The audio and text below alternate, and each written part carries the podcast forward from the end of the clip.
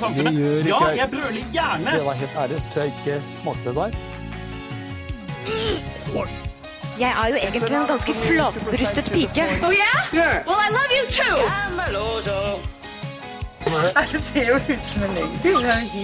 Kjersti, sånn snakker vi ikke. One small step for man. Du hører på Glede Gled med TV-en, hvor vi ser på TV for deg, sånn at du slipper. Og jeg har med meg to av eh, mine tre strømmeboys. Nemlig min beste venn Storlevik Pedersen og Thomas. Så rett før vi trykket på rekord, så sa han eh, eh, nå ligger ballen på plass, så da er det bare å kjøre rekord. Ja, Og det, fordi- jeg ikke hadde sett for meg jeg skulle måtte ta for en stund siden. Nei, fordi, altså, Grunnen til at du sa det, Thomas, er jo fordi for nye lyttere da, at du eh, Det er jo et, for det første et veldig kjent ordtak der på Paradis hvor du bor, i Bergen. Nå er ballene på plass. Da er det tid med bursdagsfeiring. nei, men, nei, men det, det er fordi at du har tatt vasektomi. Ja. Og så er det litt ømt, da. Det er en uke etter. Det var, jeg gjorde jo det rett før forrige episode. Og eh, det er ømt ennå. Jeg er veldig forfjamset over hvor eh, Altså, den sammenhengen mellom latter og baller, den, eh, den slår meg eh, virkelig, altså. Den, når jeg ler, så kjenner jeg det i ballet. Det trodde jeg ikke. Men eh, Jeg når de er ømt, så som merker jeg det. At vitser med baller, så ler du. Åhåhåhå. Nei, nei, nei, nei. Jeg, jeg ler åpenbart med baller. Og når jeg, eh, det visste jeg ikke før, eh, før, eh, før de ble ømme. Så vi ler av dine baller, og mm. du ler med dine baller. Rett og slett. Det, det. For en start på dagens episode. Ja, og de kan ikke brukes til noe annet heller. Nei, ikke nå lenger. Nå, er det, nå skyter de dødt. Det er bare Det kan brukes som lim på skoleoppgaver, holdt jeg på å si. Ja, De kan brukes som underholdning. Det er jo det de er. Ja. Samtaleemne. Ja, det er en icebreaker, da. Ja, ja. Tenk så Eller kult på fredags- julebord. Å, nå kommer Thomas, kommer Thomas med balle! Yes! Yes, så kan du plinge på glasset. Alle sammen julebordet kan begynne, for ballet er på plass.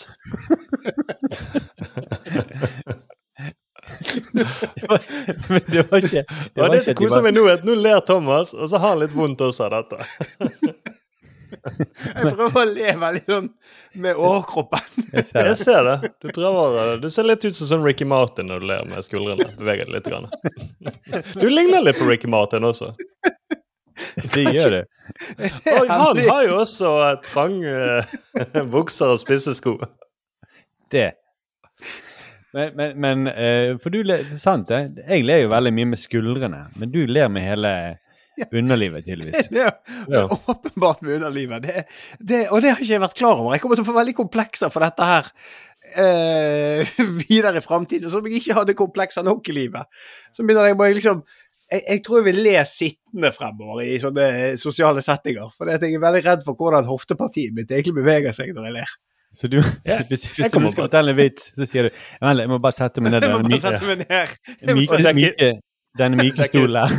Mm, og dekke til uh, Men det er det som kommer til å skje. Når du kommer til Oslo og vi ser deg i real life, så kommer vi til å Hver gang du ler, så kommer til, blikket mitt kommer til å automatisk falle nedover mot uh, ballene dine, Thomas. Altså, jeg må si jeg har vært en sånn eh, Altså, rett etter vasektomien, altså dagen etter vi spilte inn forrige episode, så Mm. jo det jævla sykt ut. Altså, det var sånn at jeg, jeg, jeg vet det er feil, og jeg, jeg, jeg vurderte aldri å gjøre det sånn ordentlig, men det var en del av meg sånn der Vi har jo en, en gruppechat på, eh, på eh, Messenger. Jeg tenkte sånn Mm. Ja. dere burde sett hvor sykt det så ut. Jeg burde tatt et bilde av pungen min og sendt det til dere. Men jeg vet det er feil. Ja, men det var så fascinerende å se, for det var, det var både hovent og blått, og det var, det, var, det var et grotesk syn. Så var sånn Jeg kan jo ikke bare sitte med dette her alene, jeg må jo vise det til noen. Ja. Men jeg holdt det for meg sjøl. Spar det til julebordet, Thomas. Du kan Ja, gjøre en gjør det. Ja, men jeg skal, ikke, jeg skal ikke operere de en gang til. Jo, på julebordet må du du jeg det. er ferdig nå. Du må gjøre det til julebordet. Jeg tror det skal være en sånn årlig tradisjon. Thomas firer julen. Eller Eller så kan vi Nå rister kan Thomas. Hva sa du, Markus? Ja, Eller så kan vi operere de for deg, hvis du vil. Ja, kan ikke Ja. dere operere de, da? Ja, for, på dine? Nei, nei ja, det, det, det, det er jo altså, da, altså, det gjør jeg hvis vi kommer på podtoppen. Er vi på podtoppen, blir vi nummer én, så skal dere få lov å operere testiklene mine. Å, herregud. Nå håper jeg alle lyttere tar det som en utfordring. Spre Ja. ordet om, den, om Mm. denne podkasten, så kanskje dere kan få se at vi opererer Thomas sine baller på julebord. Ja, på julebord. Og da må jo Thomas først innom og sy på en streng, da, og så kommer vi og opererer. Så det blir to uh, operasjoner i én, da. Utfordring. ja, og jeg, jeg blir svett av dette. For tenk ja. Dere glemmer ikke sånt. Det, det er jo det som er så irriterende. og Jeg burde jo aldri sagt dette høyt. Men ja, hvis det er på podtoppen, så er det verdt det. Da er det verdt det. Vi skal jo snart i gang med å snakke om vår TV-uke. Eh, vi må bare forklare at Arild Ja. eh, han er ikke I dag, i dag er- har han omgangssyke, stakkar. Ja, han sa at han hadde fått tilsendt noen eh, bilder, høyst private bilder, og så begynte han å brekke seg og sa at han kom nok ikke til podkasten. Vet du, kjenner du til dette, Thomas? På en felles chat. Ja. Så uh, Arild bare sa at jeg er dessverre ikke i stand til å gjennomføre noen podkast. Nei, du så- tar ikke denne på min kamp. Altså. Vi ser jo på Thomas at du har vondt nå. ja, Nei, det du ser jeg. Det ser ut som, for, jeg ser jo ikke underlivet ditt, men det ser ut som du sitter på en kaktus som prøver å pare seg med deg, eller et eller annet. For det. Ah, shit. Eh, det er ingen god reklame for vasektomi, dette her, egentlig. Nei, men OK. eh, Ja. Jeg håper ikke at det er det som utløste det varig. Altså. La oss heller snakke om noe, noe enda gøyere. For nå, endelig, eh, Thomas har lovet i mange episoder å lage en uh, vignett. Og nå har vi den. Ja, det som er, da er Ståle, kan ikke du bare spille av den vignetten som Thomas Ja. har laget? Så kan vi snakke med etterpå. Bedrock trilt op zijn vesten. Het feest is compleet. Jabbe dabbe dance! Alle dancehits van nu op een prehistorisch goede cd. Spring in je berenvel en ga voor Jabbe dabbe dance. 20 steengoede hits met OG Quartet. 24-7 Clash. Ja, det var, der overgikk jeg meg sjøl, faktisk. Oi, oi, oi, Thomas. Det er veldig gøy å ta Japan på dans på nederlandsk. Det var vel nederlandsk, var ikke det? Eller er det språket mitt som er helt ute å sykle? Det er du som har laget den, så Ja, ja, jeg- lik- Likte at han eh, også snakket selvfølgelig Jabba Dabba Dance, men også Gartman Ring i Startprix. Så eh, det var Eneste som savnet, var at det var Klingon-referansen din, Thomas. Men vi kan ikke få alt i én intro, mener jeg.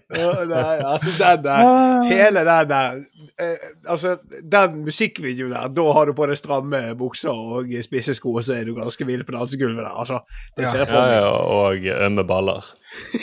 ja, så du Eh, danser liksom bredbent. Men det jeg Mm. ikke skjønte, var den siste Oi! Den lyden der. Hva- var det for noe, Thomas? Det Var var lyden av når du kutter som ble- ja. Ja. Så faller de ned. Dunk. Men Eller når grunnen til at sparker ut eh, katten. Så du alltid må hive ut i løpet av en podkast. Men grunnen til at eh, du er så opptatt av Jabba Dabba Dance, da, er jo eh, fordi når Thomas er glad ja. Sier bare Thomas og sier Nå er ballene på plass. Jabba dabba du. Du sa det. Du sa jabba dabba én du. gang! Jeg sa en, Du sa jeg Jabba angrer- Dabba Du. Ja, før vi ikke oppdaga forrige episode, så sa jeg det av en eller annen grunn. Du kommer med kaffen, du kom med kaffen så sier du jabba dabba du. Ja, og, og jeg angret umiddelbart. Og eh, det er Nå svetter jeg. Nå, jeg dette, nå føler jeg at nå, Vi har snakket veldig mye om meg, men dette er dette blir for personlig. Dette, dette kjenner jeg. Jabba dabba du. Jabba Dabba Du. For de som ikke så, de, de kunne ikke se uh, Lytter kan ikke se Thomas, men han holdt i høyre hånd så holdt han kaffekoppen. Venstre hånd var nede i bokseren og sa Jabba Dabba Du. De er på plass. Men, eh, men eh, i alle fall, da. Mm. Eh, vi skal ikke bare snakke om Thomas i denne podkasten her. Nei. Eh, Det er ikke- det er ikke noe Jabba Dabba Du-podkast, for å si det sånn. jabba dabba kast. Dabba Kast. Og det og det den som skal på podtoppen. Det er Jabba den dabba som- kast, ja. Men uh, vil, du, vil du sitte på en ispose, Thomas? Hjelper det noen sånne ting? Det syns jeg du lider deg gjennom alt når du driver og fniser og sånn. Klam, klamrer deg til? Du har armen opp på et eller annet. Du prøver å klamre deg fast til noe. Er det for å holde ballen i ro, eller hva er det du gjør, Thomas? Thomas prøver med ene høyrehånden, og så prøver han å holde seg fast i stolryggen til en annen stol. Jeg vil ikke mer. Vil ikke mer. Vet du hva, det ser ut som Når du lukker øynene, så ser det ut som du er full, og så driver du med sånn VR-greie. Men så vet vi at det er en sånn eh, permanent VR. De har. Jeg, jeg har hørt, Thomas, at hvis du flirer Det er litt sånn som du må, når du opererer vekk mandlene, så må du være veldig forsiktig i begynnelsen. Jeg har hørt at hvis du tar vasektomi, og så ler familien den første uken, ja, så blir de permanent hoven. Ja, det håper jeg ikke. Da eh, Og så har jeg hørt at du må være forsiktig med eh, sånn uh, jabba dabba dance. Ja. ja, men, Og du må ikke tenke på jabba dabba dance akkurat når du legger deg, Thomas, senere. Når du, kroppen skal slappe av og skal I sove. hvert fall ikke sette den på og begynne å danse. Men OK, Nei. vi eh, Ja, Eller vagge. Ja. Jeg kan bare si en kjapp ting om vagging. Jeg hadde, jeg eh, hadde vært i Oslo tidligere denne uken. Og, så, eh, og, og, og det, det verste det var, det var faktisk på mandag, så ikke så lenge etter operasjonen. Så eh, hadde jeg sittet lenge i flysetet, så reiste jeg meg opp. Og så gikk jeg ut flyplassen, og så er det en annen venn av meg som har vært på samme fly uten at jeg har sett han. Så har Mm. drevet og filmet meg, og så sendt snapper. For han trodde jeg var dritings. Det var ikke sånn Så han bare 'Jeg som har vært i Oslo og drukket øl', fikk jeg sånne snapper av han. Så var jeg bare sånn Nei! Det er det Dette folk tror om meg, liksom. Dette er, min, det er et TV-øyeblikk. Det minner jeg om når um, Kramer har vært hos tannlegen, og så tror alle at han er eh, At han har, har en hjerneskade. Ja, stemmer. Han skal på sånn fundraiser for, uh, for uh, vanskeligstilte barn. Mm. Hvis det er Det noen er en der fantastisk episode. Det er det. hvis det er noen i Bergen, så kan dere ta en sånn intervention med Thomas. Ja. Nei, Rune Holm, jeg fikk forklart det til Rune at eh, jeg har tatt vasek- va- vasektomi. Jeg har bare ømme baller. Altså, Jeg skjønner veldig godt eh, Celine, din kjæreste, som, eller kone, som ikke klarer å se på klovn fordi at hun føler at du eh, kunne gjort alle de tingene som de gjør i klovn. Det Dette er jo en klovnepisode. Ja, ja, det er det. Mm. det er det. Og jeg så til og med en annen sånn angående, gå, angående gåstilen min. Det var på dagen etterpå. så jeg satt jeg meg i bilen, og så hadde jeg også sittet lenge på kontorstolen, så reiste meg. Så å, da er det jækla ømt, og da er jeg veldig ute og går. Så går jeg forbi noen sånne jenter i sånn 10-12-årsalderen. Så når jeg sitter i bilen, så ser jeg at de etterligner meg gjennom bilvinduet. Det var veldig ydmykende. Da gikk de sånn og vagget bortover. Så folk er hensynsløse. Altså. Det, Men- det var sårende. Skal jeg fortelle deg, Thomas, når, hva, når jeg farget håret mitt for første gang Har jeg, fortalt det? Hvilken farge? Ja, den skal du høre. Ja. Komfepengene Det ble veldig populært på skolen å farge håret. Litt fordi at han ene som um, gikk på skolen, han jobbet sånn deltid på Kick. Altså det der Ja, Kick Hårstudio. Ja. Ja. Og så eh, Så det ble en sånn farse at alle skulle farge håret. Og så hadde jeg potteklipp og brukte komfepengene mine på å eh, gikk inn, Ikke på Kick, da, jeg gikk på Bentesalongen. I Eh, Eidsvåg, ikke i sentrum. Det var moren til Steffen da, som gjorde det. Og hun eh, farget potteklippen min farget hun eh, helt blå. Eh, for jeg var blå, blått hår. Men ingen, ingen klipp ville ikke betalt for. det hadde helt blå potteklipp. Og gikk på skole og følte meg ganske kul. Jeg, jeg husker liksom at folk de var ikke, På ungdomsskole er jo folk litt redd for å si noe feil, så det var ingen som turte å si at det ikke var fint. Eh, for det, det kunne være det var det, det neste store. jeg vet ikke. Ja. Det var, Mm. ja, men jeg fikk ikke veldig mye. Men jeg følte meg for jævlig kul. Så helt gikk Ja, for det kunne jo Bentesalongen kunne jo bli den neste nye store salongen. Ja. Ikke det på ungdomsskolen. Så jeg gikk jeg hjemover og følte meg kul, og så gikk jeg forbi en barnehage. Og så plutselig roper en unge 'Kalle Klovn! Kalle Klovn!' Og alle ungene bare 'Det Kalle Klovn!' Ropte de 'Kalle Klovn har brukt komfortpengene sine!' Så da eh, Kalle Klovn hadde jo blått hår, han. Han hadde jo det. Ja, Hadde han egentlig, egentlig Ja. ikke rødt? Og nå ble eh, eh, Ja, uansett. Jeg tar referansen. Det er veldig, det, er veldig det er det som bygger stolthet for når du er nykonfirmert. Og blir Ja. kalt Kalle Klovn. Ja, nå går han inn i Kalle Klovns rekker. Endelig. OK. Vi må, vi må inn i gang med å snakke om TV. Det er det som er denne Ja, podcasten ja, ja, handler ja, stemmer det. stemmer det.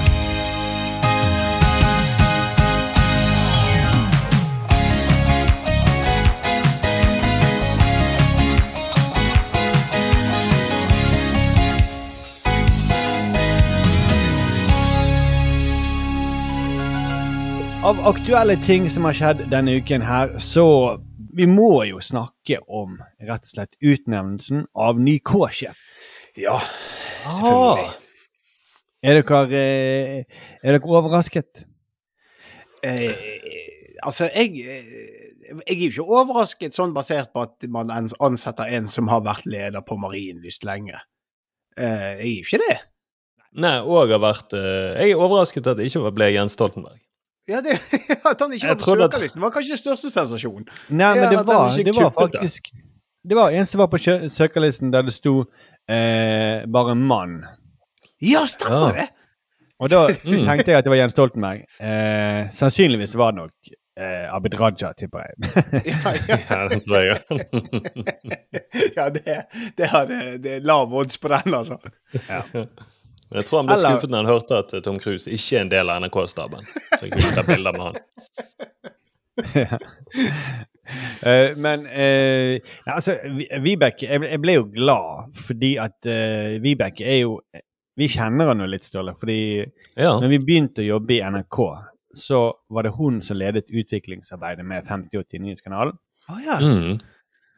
Og eh, hun jeg var jo utrolig trivelig. Hun er jo som en eh, Som en Altså, en, en, du, vet, alle, det er kjipt å si mor, da, for hun er jo mer enn Hun er ikke bare sånn mammasnill, men hun, Nei. hun tar seg tid til å prate med deg uansett, og hun virker Det er ikke sånn påtatt nysgjerrig. Hun bare ja, 'Hvordan går det med dere? Går det bra med dere?' Altså, hun er alltid sånn. Og hun hører, selv om hun har dårlig tid. og Ja, hun passer til å være med i en sånn perfekt eh, 80-tallsfilm av en eller annen trener til et uh, misfit basketballag, og så klarer hun å peppe de, og så løper de ut og gjør alt. Ja, det er alltid Altså, jeg møtte henne Det er bare noen par dager siden. Så møtte, det var i, på onsdag eller ja, jeg husker en av dagene. Så jeg møtte henne på butikken her nede. Og Da var jeg ute med Ja. min datter. Og hun begynte å prate masse med min datter. Eh, og liksom sånn eh, oppriktig nysgjerrig. For vi, vi hadde en idé om at vi skulle kjøpe inn masse til frokost dagen etterpå. Stå drittidlig og overraske de andre med det. Hun, eh, hun syntes det var såpass interessant at hun sto lenge og pratet med henne om det. Og da sa hun, for jeg sa til henne at dette er faktisk min sjef i NRK. Og så nei, nei, nei, vi, vi er kolleger, Markus. Vi er kolleger. OK, ja. Så hun, er, hun, hun, er, hun er veldig eh, annerledes. Altså Han K-sjefen som er nå, han er jo flink til mye. Men han var Mhm. litt mer eh, alfa-han.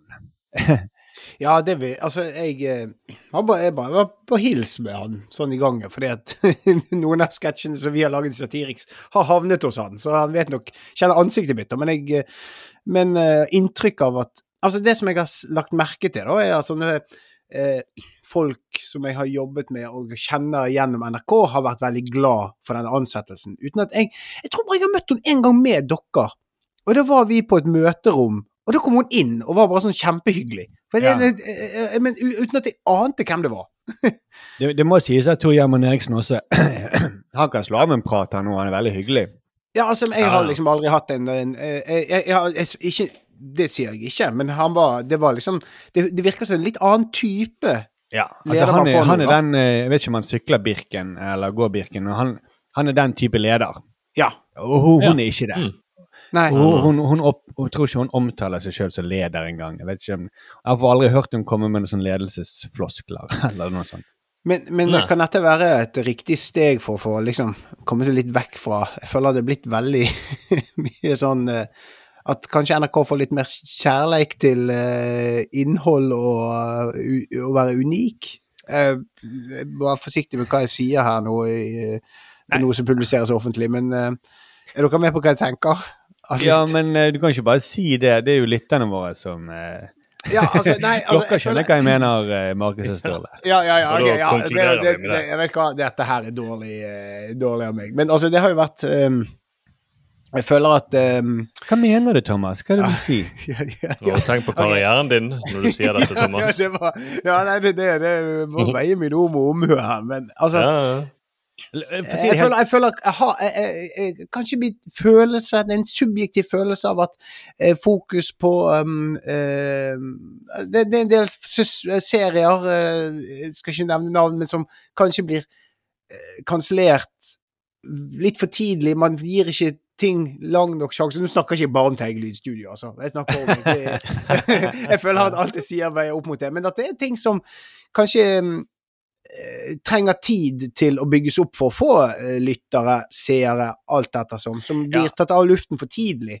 Er det en som har litt mer kan, kan NRK skifte litt filosof, filosofi, være, med, være der det stedet man bygger opp, istedenfor å hente inn allerede etablerte? Altså, jeg vet ikke. Altså, hun er jo, kommer jo fra produksjon, sant? Hun har Ja, det tenker jeg er positivt, da. Ja, hun kommer fra NRK Super og har vært der i mange år og har veldig godt likt der.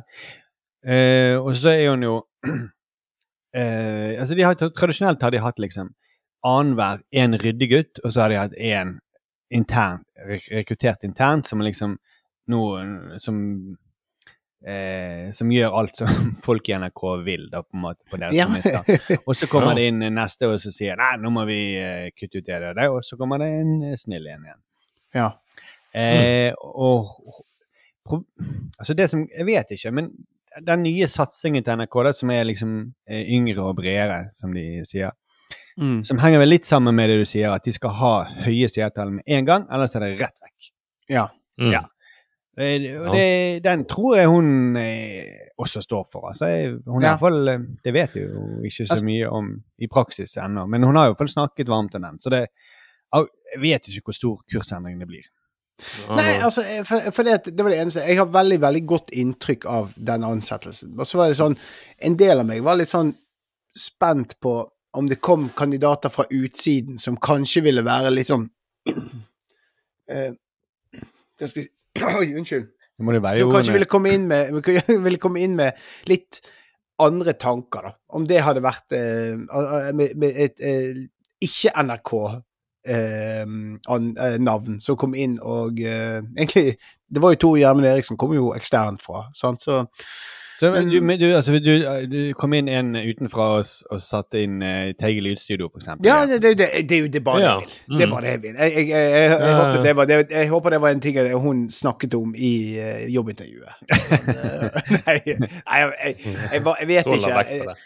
Ja, men, men altså eh, Det er litt sånn der eh, Sånn som noen serier, for eksempel. Sånn humorserier som får liksom én episode, og så hvis det er godt likt, så lager de det. Den filosofien syns jeg er sånn den, den gjør jo det at det, altså, humorserier trenger jo ofte mange, mange episoder for å bli etablert. Å legge ut én pilot og basere på seertall på den, jeg syns det, jeg, jeg synes det er liksom Ja, for det er det, det du sier, at Ja. de, de lager en sånn eh, pilot som de viser til folk, Ja. som legger ut på nrk.no, og så hvis den slår an, sånn som Førstegangstjenesten, da. Ja, det var en sånn. Da var det to episoder, det eksploderte, ok, da lager vi en serie av det. Mm. Ja. Du mener at uh, da går de glipp av kanskje de mest unike seriene? Ja, og så føler jeg at um, en så, det, det er en veldig bra måte å teste innhold på, men du får jo egentlig ikke testet um, Altså, publikumsappell kommer jo helt an på da, hvem som er med, og om de, de personene som er med i serien, har drøssevis av følgere i sosiale medier som kan sende det inn til NRK TV. Altså, Hvis du har en verdens største talent som har laget en serie, og laget, den er helt unik, men den ligger bare på NRK TV, og ingen får vite om den, for man markedsfører jo ikke, så, så, så, så, kan jo man potensielt gå glipp av fantastiske ting. Ja, men eh, de vil jo bare si at Men det har ikke noe å si, for folk ser på. Eh, hvorfor Ja, de ser men det, på den så- det, den er, det der, det, Ja, ja. den den er, jeg jeg er ikke helt sikker på om eh, det er sånn det funker, sånn som de sier, da. Men ok, eh, men det som var veldig gøy i den søkeprosessen, var at han komiker Ellen Mørk eh, Ja. som, Han sa jo det, litt det samme som du sier, Thomas, at NRK lider av et eh, utviklingssyndrom. Ja. eh, som var godt. Så De utvikler og utvikler, og så lar de et program gå i ett-to eh, sesonger, og så tar de det av. Mm. Og han vil gjerne gi humorserier og sånt lengre tid før de tar det av. da.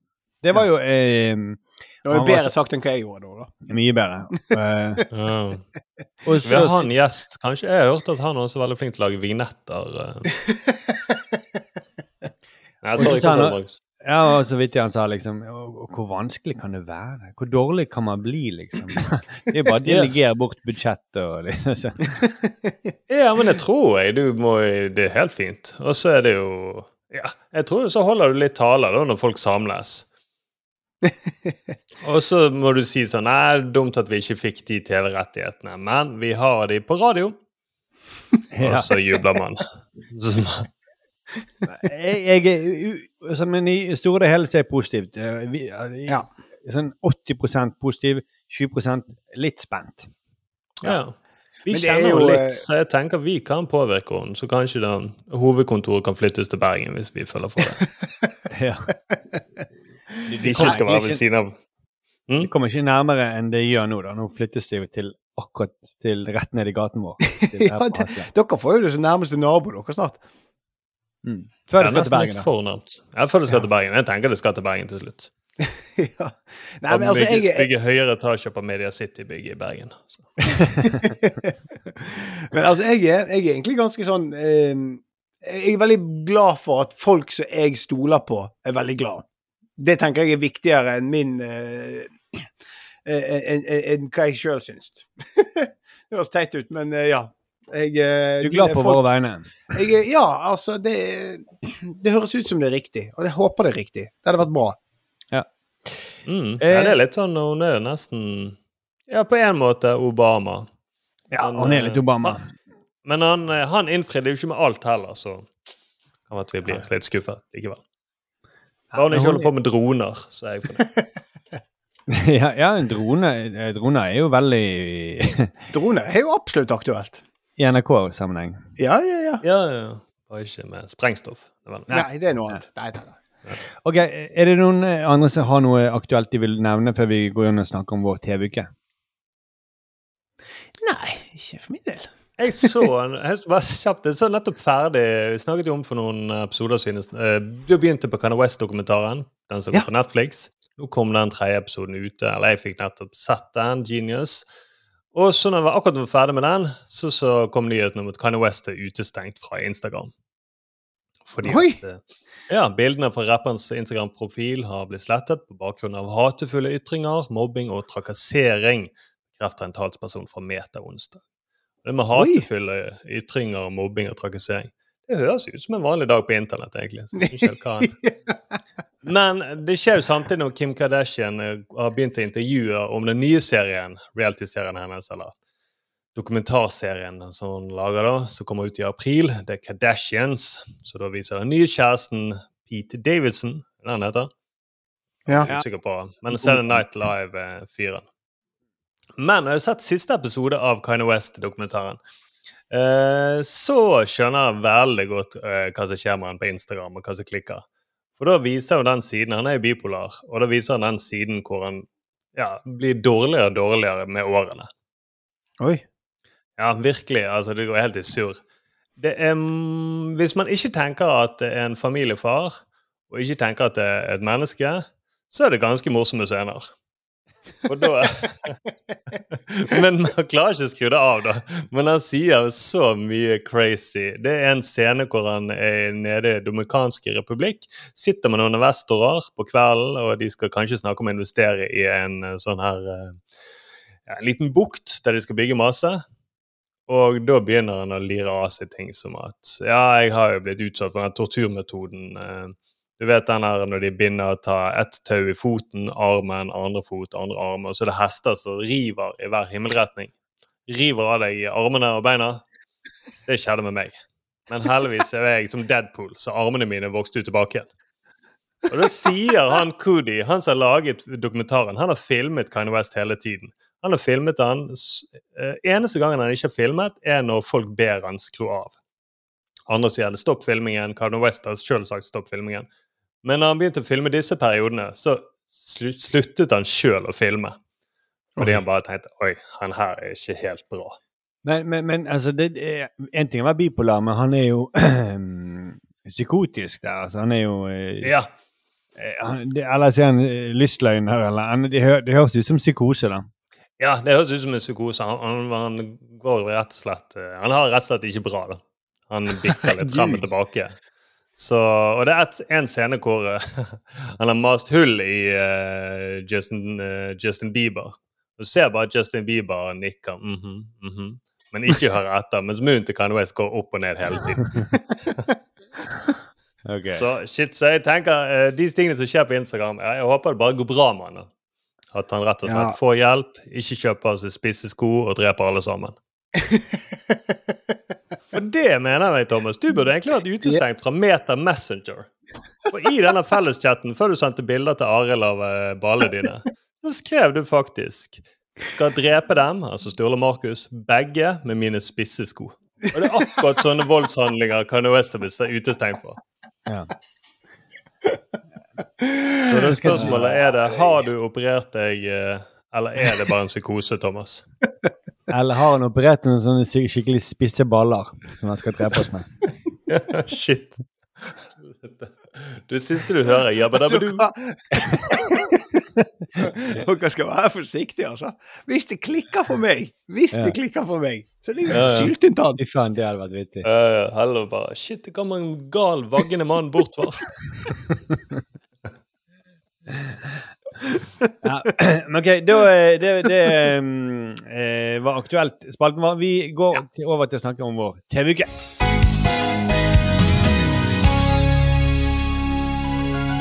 Og eh, Thomas, du kan få lov til å begynne med din TV-uke. Ja, eh, ja, hvor skal jeg begynne, da? Det har vært en, eh, det en TV-uke som ehm, Jeg har havnet i en slags squeeze, squeeze faktisk. eh, Skvis. Eh, der jeg er veldig usikker på hva jeg skal gjøre fremover. Fordi at eh, jeg ehm, Jeg har jo eh, da snakket mye om at jeg har sett på Papirhuset, og så nå er jeg ferdig med sesong to, og den hadde en veldig tilfredsstillende slutt. Eh, men jeg vet at det er tre sesonger til. Og så har jeg lyst til å utvide horisonten min på å få med flere serier. Sesong to, veldig bra. Jeg liker slutten her. Den gjør meg veldig fornøyd. Det føles avsluttende, men jeg vet at det er mye bra innhold, og det har fått gode anmeldelser. Det er ikke sånn at det faller. Nei, men, okay, Men- men det, er en slutt som gjør at du blir ikke sulten på mer. Du, du Nei, altså, for det, for det var en tilfredsstillende slutt i sesong to, så jeg tenker sånn her Jeg kan, li, altså, jeg kan, jeg kan avslutte her. Helt fint. Og jeg, det, jeg er fornøyd, liksom. For det virker som at Altså, jeg, jeg, jeg oppfatter det som at de hadde tenkt at dette skulle være en tosesongsgreie, men de har klart å føre det videre. Det er sånn jeg tolker den serien. Men det er veldig bra. Veldig bra. Men så har jeg nå begynt på en serie på HBO Max eh, som jeg har fått anbefalt så mange steder, som heter Succession. Ja. Dere kjenner til den? Ja. Mm. Ja, det er jo en sånn eh, en, en, Altså, jeg tror han har på IMDb den uh, International Movie Data, Database Jeg klarer ikke engelsken igjen, men der, eh, der Han har Jeg tror det er 8,7. Han har helt vanvittig god rating. Og jeg har sett to episoder, og det er skuespillerprestasjonene er veldig bra. Jeg ser at dette er kvalitet av ytterste merke. Men så er jeg sånn åh Orker jeg å gå inn? Orker jeg å bli, investere? For jeg vet, jeg kjenner at denne serien kommer til å suge meg inn, men jeg vet ikke om jeg orker å bli så sugd inn. Det kommer til å bli dårlig innhold for dere, for jeg kommer kun til å snakke om det. Nei, men, Um, nei, men jeg hadde akkurat det samme. Jeg så de to første episodene av Succession. Ja. Mm. Eh, og det, det er jo vondt og mørkt, og du, Ja. du skjønner her kommer det til å gå nedover, og jeg kommer til å bli hekta. Men orker jeg å bli denne følelsesmessige rollercoasteren som det kommer til å bli? Ja.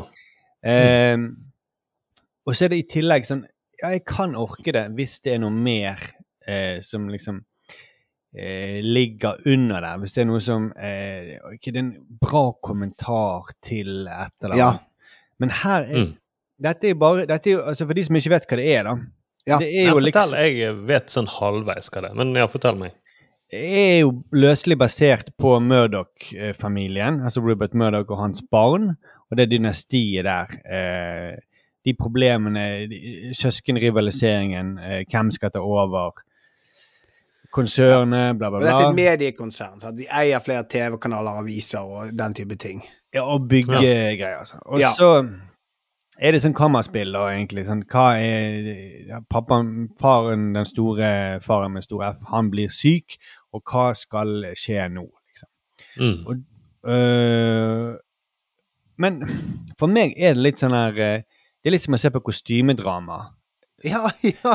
Det, det er rikfolks Ja. problemer. Så er det sånn OK, det er kjipt at han ikke får arve den multimilliardindustrien. Men, men altså, han, han, han gjør noe annet, da. Du kan gjøre hva du vil i livet. ja. Hvorfor, hvorfor Ja. skal du på Wall Street og, og drive altså det, For meg er det sånn Det, det er problem ganger ti. Og det er derfor klarer jeg ikke helt å engasjere meg i Nei, altså, det er litt det samme jeg har. For jeg, jeg, jeg, Og det, igjen, da, det er jo dritbra, alt jeg har sett. Jeg, kan ikke, kan liksom, jeg har ikke noe å utsette på noe annet enn at min pre personlige preferanse er bare sånn Men er det dette jeg orker å investere tiden min i? Er, eh, og så er det òg denne Nå er jeg jo sånn der eh, Det er liksom det er et eller annet sånn absurd med å begynne på den serien her nå, som er, som du sier, Markus, så ekstremt ilandsproblem. Og så har vi da liksom en uh, verden rundt oss der det er masse nød og elendighet, så føles det på en måte liksom jeg, ja, det, det, ja jeg, eh, jeg, jeg klarer liksom ikke å jeg, Eller jeg, er usikker, rett og slett, om jeg skal gå inn i den emosjonelle investeringen og, og, og gå all in i den serien der. Altså. For det er det er, det, det er åpenbart tungt. Så, men så er det sånne ting der òg, sånn som han eh, Kieran Culkin, altså broren til al, han alene hjemmeskuespilleren. Culkin. Ja, han er jo Altså, den hans, altså den karakteren hans og måten han spiller på, er jo så jævlig fett, synes jeg. At det, det, det gjør meg, gir meg lyst til å se videre. Så han er jo så bortskjemt rikmannssønn, cocky og åpenbart litt Altså, han, han- det, det er liksom sånn Igjen, alt, alt stemmer, det virker så bra, og alle anbefaler det, men øh, jeg Mm. føler jeg er i et dilemma. Jeg er i et dilemma. Men det er jo godt håndverk på det, manus Oi. Alt er bra. Vaskemaskinen Ja. Oppvaskmaskinen ferdig. Jeg tror det var katten til Thomas. jo, men alt er bra. Men jeg, men jeg skjønner det, da, hvis de ikke har det lille. altså sånn For Har du lyst til å gå rundt og tenke Det jeg synes det er noen ganger er fint i serier, er at du går rundt og tenker på deres dilemmaer, deres problemer. Ja. Og så kan man tenke å ja, hvordan ville jeg gjort det hvis det var i den situasjonen? Men hvis de er veldig rike mennesker og har egentlig har det veldig godt Ja. så er Og det så, og så er det også sånn, de, de slåss Dette er jo litt sånn det er løst basert på veldig mange De sier at det er også Trump-barna og alle sånne andre rikmannsfamilier. Hvor alle eh, barna strever og liksom Se på meg, pappa, de vil ha hans gunst, og så skuffer han de gang på gang. Han bare slår dem tilbake. Altså, han gir de aldri kjærlighet. da. Nei, Og det er jo litt sårt, sant. Men det er også sånn eh, eh, altså, OK, du har en kjip pappa, bare aksepter det. For det, det er Bare flytt vekk fra han og ikke ha det med han å gjøre. Altså, Ja. Det hadde, hvis han hadde vært en alkoholisert, fattig fyr, så hadde, det jo, hadde man jo gjort det på flekken. Og så bare Ja. han måtte skjerpe seg. Men fordi de vil ha det der firmaet, de vil ha, gjøre samme karriere som han, så eh, blir de værende. Ja, Og lar så- seg torturere av hans eh, følelsesmessige berg-og-dal-bane. Ja, og så, men så, så er jo det bra igjen. Så det er liksom det, og alle anbefaler det. Jeg føler liksom på en måte går glipp av noe, men jeg kjenner at Nei, jeg, jeg vet ikke. Og så igjen, da, så hvis For å nevne en annen serie som er jo av helt andre skalaen. Jeg nevnte jo at jeg har sett på Love Is Blind. Dette fenomenale konseptet på Netflix, som eh, der denne jeg er usikker på om jeg vil investere eh, det emosjonelle i eh, Succession. Så trash-TV, Thomas. Fullstendig forelsket i Love Is Blind. Altså, det er rett og slett helt sinnssykt bra. Og det, det er jo da disse personene som møter hverandre, men aldri får se hverandre, frir, og så følger du deres gang fram til et bryllup som er vel da 30 dager etterpå. Og de får møte familiene, og det er så, det er så, det er så bra produsert. Og det, er sånn, det kommer hele tiden sånne små drypp av elendighet om den andre partneren. sånn der ah, de to, ja, tror vi dette paret kan klare seg? Og så kommer sånn, å ja, men hun, hun har jo masse sånne øh, gjeldsproblemer. Det visste ikke han da han snakket med hun inni den der uten å se henne, og de møter hverandre første gang, og så blir de fysisk og alt mulig sånn. Og så kommer bakgrunnen. Alt det der. Det er utrolig Det er så det, utrolig. så er det voldtekt. Nei, nei, nei, nei, men det er sånn der, men det er så gøy sånn der, hvordan man liksom tar det enkle konseptet kjærlighet, og så bare Når man da brekker det ned, og ikke har hele pakken umiddelbart, hvordan, hvor mye mer komplekst det egentlig er, da. For det, selvfølgelig spiller jo eh, Altså Jo, men jeg bare, det er- bare stoppe det, Thomas. Men Ja, hvordan- ja, unnskyld. Gjeldsproblemer. Han, han kan ikke se henne disse greiene. For Nei, nei, nei, hun stiller egentlig en Ja, okay. hun har ikke råd til klær lenger. Altså. Nei, nei, nei, nei for det, det begynner jo med at eh, disse parene møtes, men ikke får se hverandre. Ja. Og de, sitter, de snakker til hverandre gjennom en vegg. Og så Mm. blir de veldig em emosjonelt tilknyttet, der en av partene frir, de forelsker seg, og så får de møte hverandre. Når de frir, så får de møte Ja, hverandre. da får de liksom, Når de er fridd og blir forlovet, så får de møte hverandre i hverandre ringen, og så reiser de på bryllupsreise, og da er jo den der Og veldig Noen eh, får, eh, klikker jo umiddelbart nei, fysisk også, mens andre sliter litt mer med å få stemme og eh, utseendet til å passe sammen, som er veldig interessant. da. Og så, og så baller jo det videre på seg jo nærmere de kommer dette bryllupet sitt. Sant? Å ja, OK, men du skal møte familien for første gang, men her har jo vi et par som er en hvit og en svart, og hvordan går det? Altså, det er plutselig veldig mye sånn bakgrunnsting og vaner og jobb som kommer inn etter hvert som forstyrrer dette. Og vet du hva? Det er bra trash-TV, altså! Jeg koser hvem, meg. Hvem er det som er nysgjerrig på om det går an med hvit og svart? Det Er du som sitter Nei, Hvordan går det an? Det- Nei, og så er det veldig Og så er jo det, det Nei, det er, det er jo selvfølgelig de her familiene deres. Da, så kommer hun ene fra Jeg, jeg har aldri hatt en eh, tatt, vist, eh, vist kjæresten min til familien noensinne, og jeg har aldri datet en eh, hvit mann. Og faren min er veldig opptatt av at vi skal holde på rasen. Sånn, ho, ho, ho, Shit! Dette er ganske drøyt, liksom. sant? Hvordan skal dette gå? Og da sitter, da sitter jeg der i sofaen, og så fniser jeg og koser meg. Det er helt nydelig. Det, Ja, ja. så, så jeg har en eh, det er, det er ikke så veldig mange ting denne uken, men det er store følelser i sofaen for min del. Det er, ja, og, i- og mellom beina. Store- Der er det ømt. Der er det ømt. Ja. Der er det, Men jeg det, liker- det, det er lite følelser, men det er bare ømt. Ja, ja. Bare konstant følelse, liksom. Ja, en eh, ja, konstant følelse, og så er det, det Og så har jeg ikke, har ikke sett på humorserier, da. Holder meg stille. Det må være uh, Fnising er alltid å se. Fnising eh, Jeg kan, fnise, jeg kan godte meg av uh, problemer som kommer på trash-TV. Det Ja. kan jeg. Så det var min eh, TV-uke, kort Ja, ja. oppsummert. Ja, ja.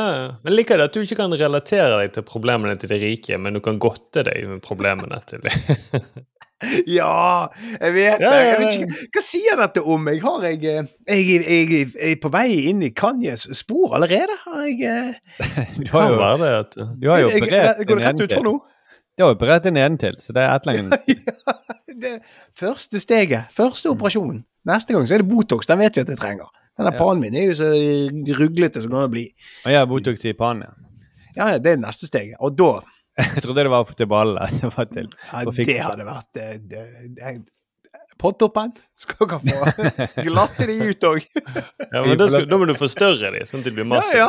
Da skal jeg ha sånn som på den der episoden av South Park, når de driver og hopper på ballene sine.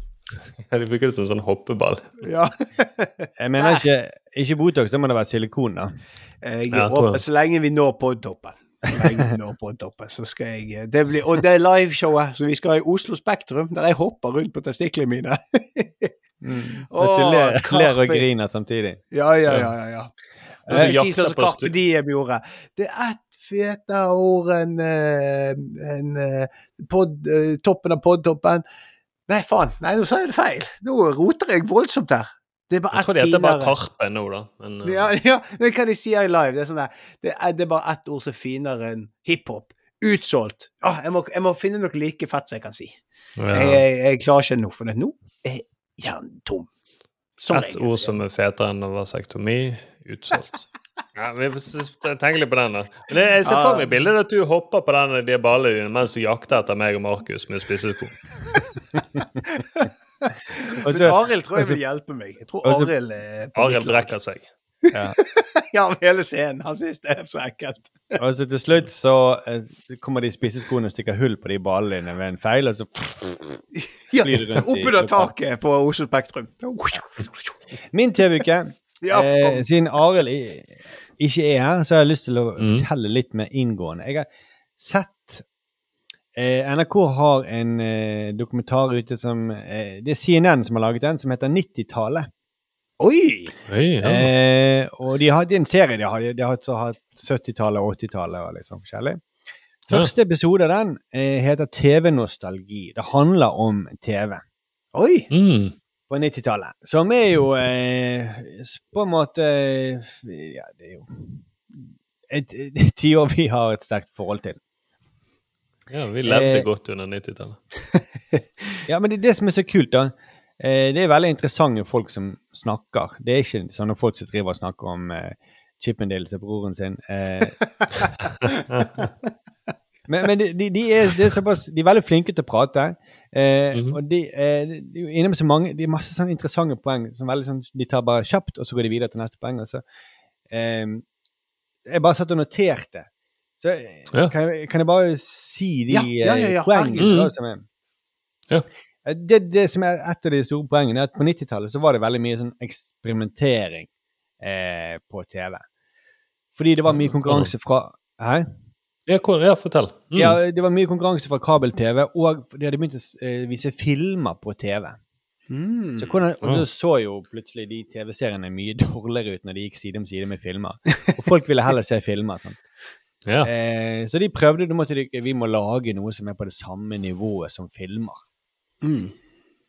Eh, for eksempel en NYPD Blue var en sånn vi må, ha, vi må ha realismen, og vi må ha skuespillet, og vi må ha manuset og den kunstneriske kvaliteten som det er i filmer. Og det, men dette førte til masse innovasjon. Eh, og de turte å satse. Det var eh, for eksempel på South Park, da han ene sier altså, South Park, at det gikk på TV. Det er et mirakel. Ja. Det er så drøyt. Altså, det, det hadde alle vært Ingen hadde satt det programmet på i dag. For det, det, Nei. det er så kontroversielt og drøyt. Um, Men det blir jo bare bedre og bedre. Det er jo det som er så sykt med det. Men ja, vi kan snakke om det en annen gang. ja men, det var, men de gjorde det blant annet med David Lynch og Twin Peaks. Ja. Jo begynner med, begynner med snakke om eh, eh, Twin Peaks. Ja, sant. Mm, for der var han Robert Iger, som senere ble CEO i eh, Disney. Og hanket inn mm. Marvel og eh, ja, Star Wars, blant annet. Og Pixar. Men han sa det at ja, de henvendte seg til David Lynch. Og så begynte da regissører også å komme til han da, det. at ok, det går faktisk an å lage noe på TV. Det er ikke bare trash. Ja, og manusforfattere ja, Dette er en historie som jeg har hørt uh, flere ganger. Altså, jeg har hørt uh, manusforfattere som sier at nå, eh, nå er det plutselig eh, mye kulere å skrive for TV, for her får vi vi føler oss virkelig over mange sesonger. og. Men de Mm. snakker mye om at skuespillere eh, blir tiltrukket for dette. Å ja, her kan, flinke skuespillere som tenker at her kan jeg jo faktisk utfolde meg og, med noen virkelig bra karakterer. Ja, Istedenfor sånne 80-talls uh, såpeoperaer. ja. Så mine fordommer er om 80-tallet. Sikkert det var det.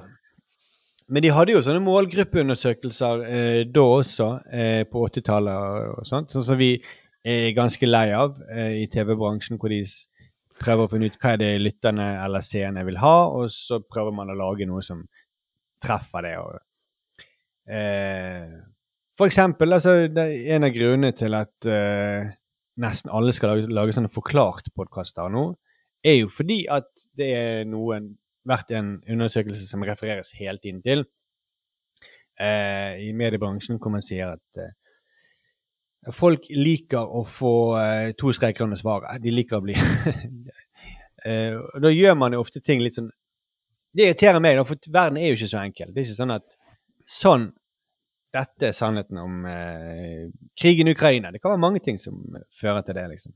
Mm. Ja, Altså, dette, er det sannheten om, eh, dette er sannheten om Twin Peaks. Sånn var det egentlig hang sammen.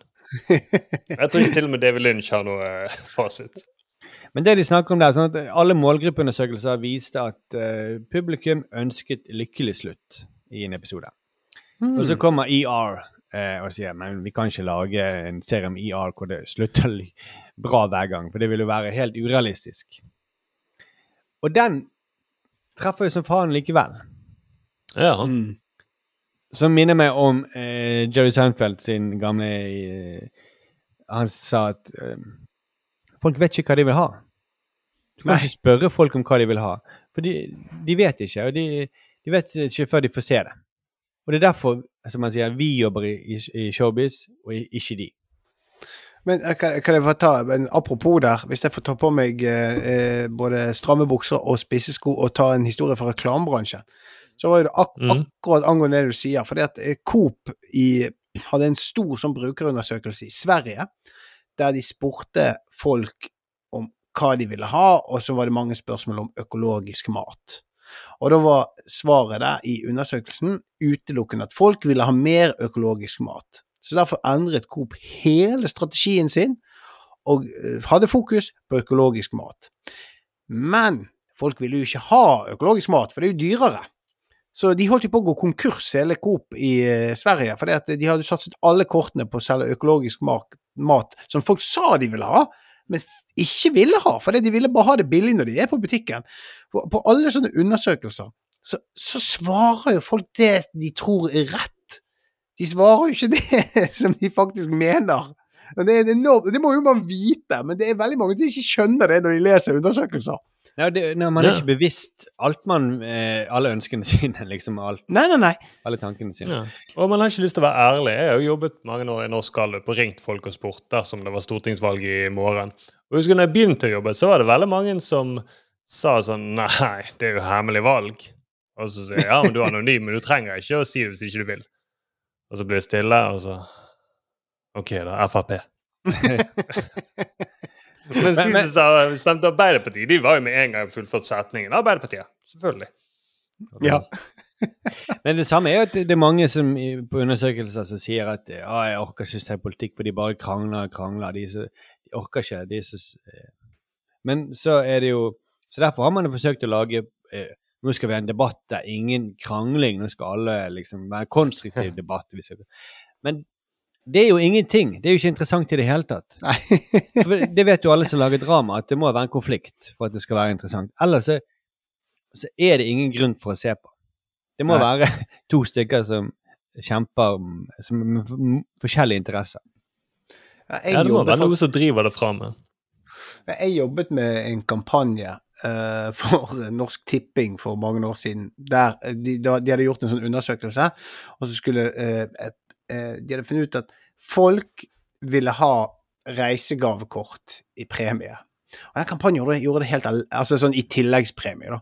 Og så gjorde kampanjen det helt elendig. fordi at den neste undersøkelsen, når de hadde snakket om deres drømmer og håp og sånt, var jo det at den målgruppen dette spillet ikke likte de å fly. Ikke likte de å reise, eh, med, eh, reise med båt. Og ikke likte de å dra andre steder enn på hytten. Så bare, hva skulle de med reisegavekort? Men da var det sånn, da hadde de blitt spurt kunne du tenkt deg et reisegavekort. Så bare ja, det hadde jo vært kjempefint. Men det er jo ikke det de egentlig vil ha. Nei, nei. Så det var, det, var, det var noen millioner i dass fra Norsk Tipping der, som jeg var med på. Men jeg kan skjønne at de sier ja. Ja, ok, hvis Ja, du spør, det er måten du stiller spørsmål på. Jeg har òg vært i Tjenerens Gallup og stilt folk spørsmål og sånn herre Uh, uh, så Og de er ofte så ledende, for jeg tror at de som lager disse Gallup-undersøkelsene, vil at de som leser det, skal bli fornøyd. Så jeg føler du stiller sånn Ja, i, en eh, skala fra én til der én er veldig misfornøyd og ti er veldig fornøyd, hvor fornøyd eller misfornøyd er du med Sparebank1? Sant? Og så, og så, og så, og så Det er liksom ikke sånn der eh, Jeg syns det er så dårlig eh, ut, altså formulert, da. Mm. ja, jeg vet ikke hva. Dette er Jo, men det er det. Men jeg bare si det, for det, det verste var Den gangen het det Statoil. Og da får jeg med på en undersøkelse som var sånn Tenk deg om eh, Statoil en dag, hele konsernet, ikke bensinstasjonen, våknet til liv. Hvilken type person tror du Statoil ville vært av disse beskrivede ord? Og så sånn Hensynsfull, og så begynte du Og så hele tiden måtte vi si Du må ikke tenke på bensinstasjonen, som alle har et forhold til. Tenk på hele konsernet. Og antatt at det var laget for ledelsen. Ja, vi er innovative, og vi er Vil du si at eh, de er jabba-dabba-du? Vil du si det? Ja, det, det, er, jeg krysser alltid av på sånn annet, og så la jeg det til. Ja. Noe annet er jabba-dabba-du. Men må- nei, nå må jeg slutte. Dette, Ja, vi- dette vil ikke jeg skal bli. vi er en innovasjon som i, Ja. i, på 90-tallet, og det førte Noen ganger så bikket det. Eh, for eksempel eh, Steven eh, Boschko, som har, han har laget LA Law, veldig bra serie. NYPD Blue, masse store hit. Eh, Dr. Du... Hva heter han? Dr. Dougal? Han Ja, er- du, Ja, Dr. Dugi. Dr. Dugi. Han er- mm. sant? ja. Ja, han, eh, han Ja. som spiller Barney i uh, Ikke den i Adelskar. Å eh, Å ja, nå tror jeg du skulle si Flintstones. Det var det. det var derfor jeg lo sånn. How I Met Your Mother. Ja. oh, ja, ja, stemmer det. Stemmer det. Ja. Mm. I hvert fall, Der spiller han en sånn her uh, Wonder Kid, 16 år gammel gutt, som også er lege, da. Uh, ja. man har, har high school-problemer. Men, men det var ikke den som bikket, da. Uh, det de trekker frem der, det er det- han hadde idé om å lage sånn hardkokt krimserie. For han, han ville utfordre f- filmene, liksom. Han ville Ja. konkurrere med filmene. Hardkokt krimserie som også var eh, en musikal. Vi kan bare høre et lite klipp. Da er det Tom Hanks som snakker om en av scenene i den eh, musikalen. I saw one in which a bunch of gangbangers were in jail and they began to sing Life in the hood ain't no pizza pie. Everybody die when the bullets fly. And I said, wait a minute, hold on, wait a minute.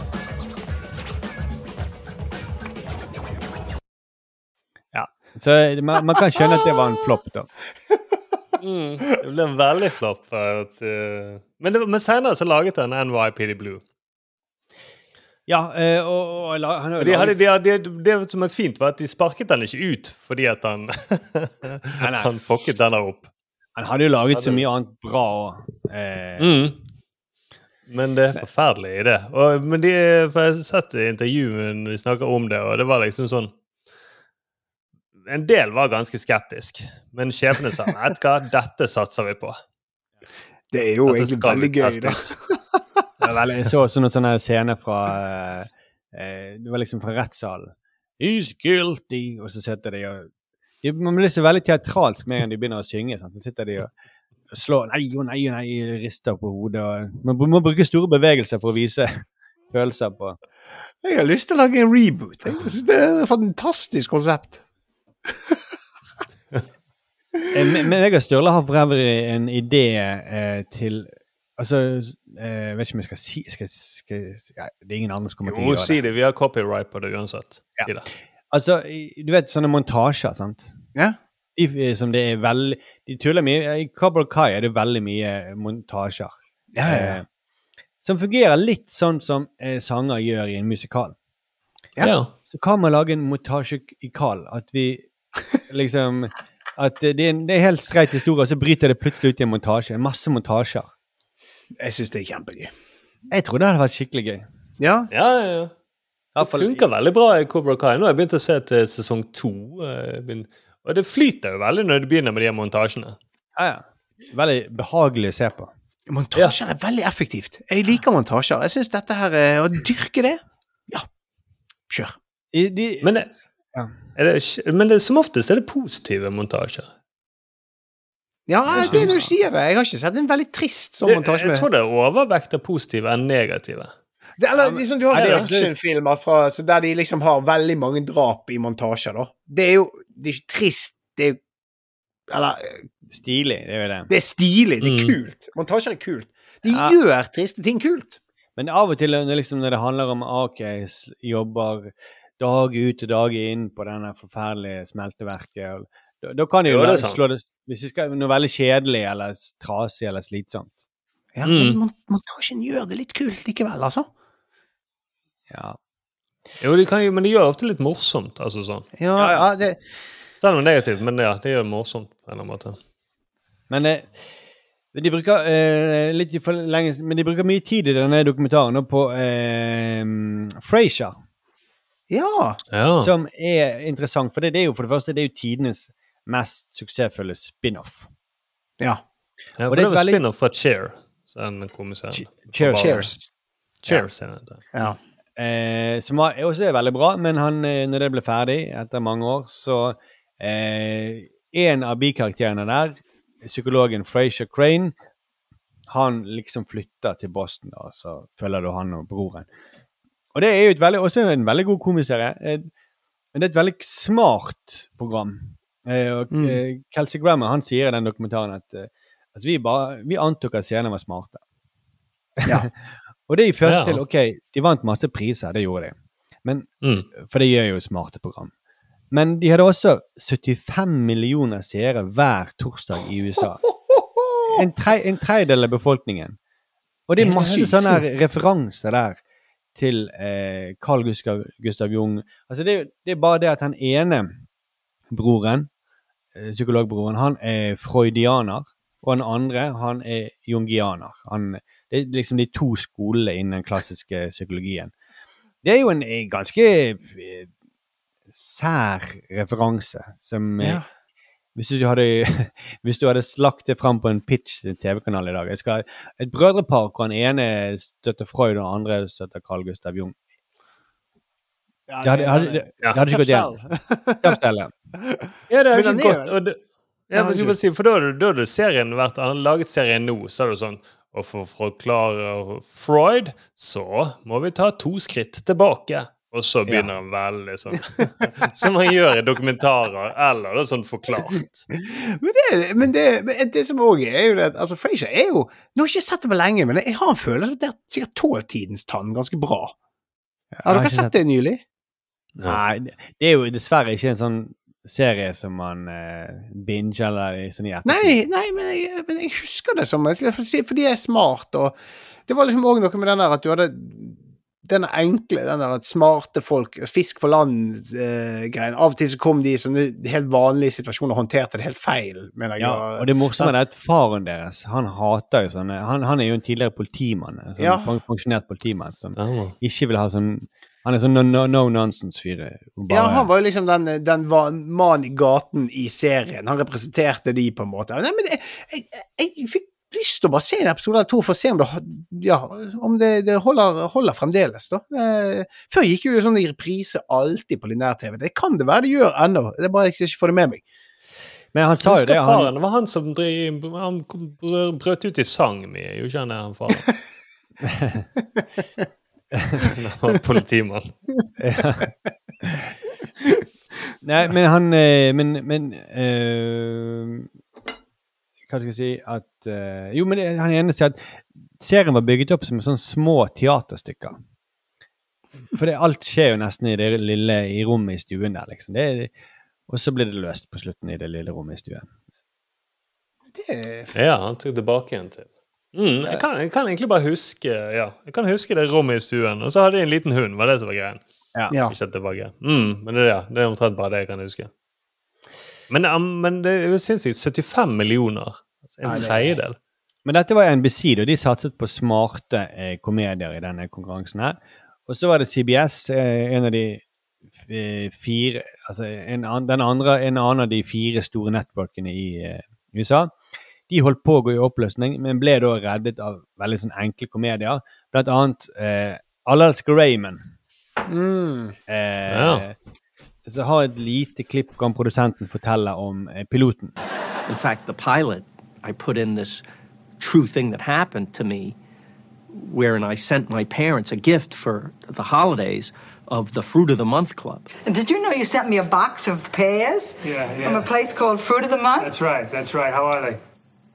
And my mother reacted as if I had sent her a box of heads from a murderer. Why did you Oh, do this my to me? I can't talk. There's too much fruit in the house. Oh, what is happening? What do you think we are, invalids?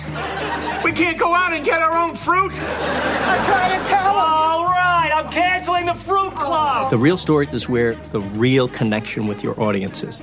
Thank God, all your families are crazy too. Uh, ok, ja, Jeg er ikke sånn kjempe elsker Raymond-fan, men det, der, det han sier der med at alle, alle familier er ko-ko også, eh, det får meg til å tenke Nå er det katten din som går i bakgrunnen. Nei, det er Celine som kryper. Nei, tuller du? Nei. Hvordan kom krypende med en ispose til deg, Thomas. Nå kom du Men med. ja, det stemmer det. Familier er ko-ko. Noen kryper på gulvet. ja, det- Men det minner meg om altså, dette, dette må du hjelpe meg litt med å huske, Ståle. Men fra sosiologien så er det han Goffmans eh, eh, sånn eh, rollelære. Sant? Ja.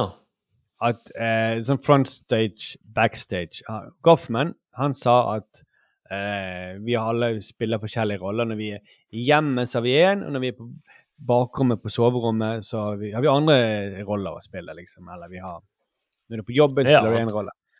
Mm, på julebord så spiller vi en annen rolle. når vi viser frem ballene våre. Mm. Men det, det som, det som eh, Og det, det var til en viss grad sant. Som for eksempel sånn at eh, fedre spilte én rolle overfor barna sine, som streng, men eh, tøff, eh, men også beskyttende far. Og så Ja. kunne han ikke da Så gikk han backstage og gråt, eksempel. Eller Han kunne ikke vise de følelsene overfor barna sine. Mm. Men, eh, og det, det var nok et lite tidspunkt i historien hvor det var sånn. På, når folk Ja. hadde forskjellige soverom man hadde råd til å bo sånn. Sånn som på, et, i etterkrigstiden, når Gofferman laget Mm. disse. Men da er det, det um, han Meirovic, en, en medieforsker, som sier at alt dette her ble ødelagt når TV kom. For da Ja. kunne du se pappaene gråt jo også. Pappaene, Foreldrene hadde sex inn på rommet, de holdt på med masse rare ting. Altså det, alt, de ødela hele frontstage, backstage. Og, og kongen eh, De viser at eh, presidenten og kongelige og sånn, også hadde dårlige vaner. Sant? Det er det Ja, du blir nesten så du får et overvåkningskamera i garasjen, da, og så ser du at pappaen spiller poker med de andre fedrene i nabolaget, mens han egentlig sier at 'jeg skal gå og mekke på bil'. Nettopp. Mm. At de har de samme følelsene, vi alle sammen. Sant? Og det, det er på en måte veldig demokratiserende og ufarliggjørende. Ja. Så jeg bare kom på det når de snakket om at For det er jo det som er fint med Alaska Raymond, at han sier at han, de, de vil vise at alle familier er ko-ko. Ja, sant? Du har ikke Ja. den fasaden når du blir invitert, så eh, driver alle og oppfører seg. Nei, alle tror, er koko. ko-ko. Det er egentlig noe av det fineste TV har vist oss. ja. Nå tenker jeg på denne politiserien med de bryter ut i sangen. Men de koker Men det- på en annen måte. Men uh, mm. Det, det, altså det her er jo liksom eh, Arrested Development, som vi snakket litt om med Mia og Karianne, da. Eh, der er vel utgangspunktet for hele serien er They say family is an institution. This family belongs in one. Det er liksom det som gjorde Det var på en måte eh, den tagline de jobbet med, da. Det er kult. Så det er en veldig Og det er Ja. å, det, Den er sterk, altså. Mm. Den er veldig sterk. Men den er jo sånn karikert familie. Det, den er jo Ja, ja, ja. det- være med familien, det- der kan du liksom OK, det, der er det noe lignende folk kan kjenne seg igjen i. Det er ikke mye gjenkjennelseshumor i Nei, nei, Rest det- Development. Nei, der, der bikker de der, Der bikker de over i alle kanter og i absurditeter, og, og øh, det er helt nydelig, da. Altså, de har jo problemer som ikke er altså, som er sånn never nudes. Som han personen som ikke Ja. tør å være naken, men da går med sånne cutoff uh, jeans uh, under alle klærne hele tiden, og dette er et helt miljø av folk som gjør det samme. There are dozens of us! Altså, Ja. ja. Så det er Å, herregud, jeg fikk lyst til å se de første tre sesongene igjen, bare når jeg nevner det nå, for det er en sånn perle. Men uh, ja, uansett, det var ikke meningen å spore av her. Beklager. Nei, det, det er jeg Nei, som men har kanskje det Men jeg skal bare si Men kanskje det er forskjell da på Arrested Development. At du har lyst til å le av folk som du egentlig ikke kan relatere deg på den måten. Ja, Men i Succession da, så har ikke du lyst til å følge med på de som må investere følelser i det. ja det, det, det er sant. For uh, Arrested Development er jo i aller høyeste grad overklasse. Ja, men der går det jo såpass Det de- går jævlig dårlig med dem. Ja. Så det er kanskje ikke helt rett. Nei, det er ikke sammenlignbart, men uh, ja. Litt. Jo, men det er litt, kanskje litt, da. Noe Ja, det det, du, har, du har lyst til å le av, uh, av rikfolk. At det går dårlig Ja. med rikfolk. Ja, men du har ikke lyst til å gråte over at 'Å nei, han ble ikke prins dette året heller'. Han må Nei, vente sant. til pappaen dør. Ja, og men- Konge. han men bare inviterte sånn- ja, ja, han, Hun ville ikke være med han på ballet. Det er jo liksom kostymedramaets eh, Som er det samme, på en måte. Ja, unnskyld, Thomas. Nei, jeg skulle bare si at jeg føler jeg har deres støtte ved ikke fortsette umiddelbart på Succession. Vi, vi tar et vedtak på det, Thomas. Ikke fortsett. Oi, oi, oi. Og der, Jeg skulle det... begynne på den serien også, men nå tror ikke jeg har lyst. Nei, nå må lyttere uh, sende i innboksen hvis vi gjør- tar feil avgjørelse, så er jeg villig til å uh, uh, eh, eh, Sy han på igjen. Men, men det kan være det er noe sånn politikk eller noe sånt som kommer etter hvert. Ja, ja, ja. Det kan være vi Siden de eier så mye aviser. og At det er noe sånn Da vil jeg oppfordre lytteren til å gi beskjed til oss hvis vi Ja. eh, gjør feil avgjørelse. Så enkelt Ja, jeg kan man si det. Ja. Jeg har bare noen få Jeg jeg har notert litt for mye, men jeg har bare noen Ja, få nei, men det, det er veldig interessant, Markus. Kjempegøy. Eh, nå, satte, nå er ballet på plass igjen, Thomas. Jeg så Ja, du jeg måtte justere litt. litt. Det kommer isposen på plass. ja. De bruker også en del tid på å snakke om hva som skjer med nyhetene. For de Ja. blir jo på 90-tallet mye mer sånn sensasjons... Eh, altså Nyhetene blir sensasjonsdrevne. Som underholdning, fordi nyhetene skal være lønnsomme. Og det er jo OJ Simpson-saken som liksom alt kulminerer i. da. Det er de, de, som de sa, det, det fantes ikke noe bedre TV-program enn OJ Simpson-rettssaken. Men de antar jo at eh, denne utviklingen har noe med eh, at NBC ble kjøpt opp av eh, GE, General Electric. Eh, Ja. og, og at de liksom Nå pusher de For han, de snakker om at før var det liksom ok, det var to deler i et network. Det var de som drev med eh, rett og slett ren sånn eh, folkeopplysning, som var nyhetene, da. Som drev med Hadde ikke tenkte på seertall eller på eh, inntjening. Og så hadde du underholdning som tenkte på det. Men på 90-tallet så bare blandes de sammen, og da skal nyhetene også være underholdning og eh, være tjene penger. Og det tuller de altså Akkurat det der General Electric det tuller de veldig mye med i eh, 30 Rock. ja. Det er liksom premisset for mye av vitsene der. At, for han, han er jo han eh, ah, Baldwin. Han spiller en fyr som er satt inn av de for å liksom tjene masse penger. Sånn at de må bake inn en sånn ny, eh, et nytt kjøleskap i sketsjen sin på en eller annen måte.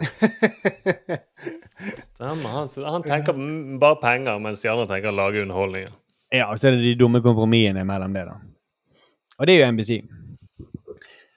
Samtidig så er det også det er jo den eh, tidsalderen hvor kommentariat oppstår, fordi de finner ut at det er mye billigere å ha masse folk som kommenterer nyhetene, enn å ha masse journalister som er ute i verden og rapporterer derfra. Eh, Mm. Snakke om nyheter istedenfor å rapportere nyheter. Ja. Og Mm. Og det, og det sier jo at det, hvis, hvis du hører en, en eller annen si snakke om det en si mange ganger Jeg tror kanskje det har noe med det å gjøre. Jeg tror kanskje. De begynner alle setninger med det. Jeg, I think. Eh, men for en seer som sitter og ser på nyhetene hele tiden, så slutter du å tenke over at det forbeholdet med I think. Da blandes nyheter Ja. og kommentarer og spekulasjoner. Yeah. Herregud. men Ja, det, er som, jo, men det blir jo nesten som en slags overgang, egentlig. Og da skal vi innenriks. Eller vi skal utenriks. ja, du hører ikke etter de tingene der. Nei. Nei.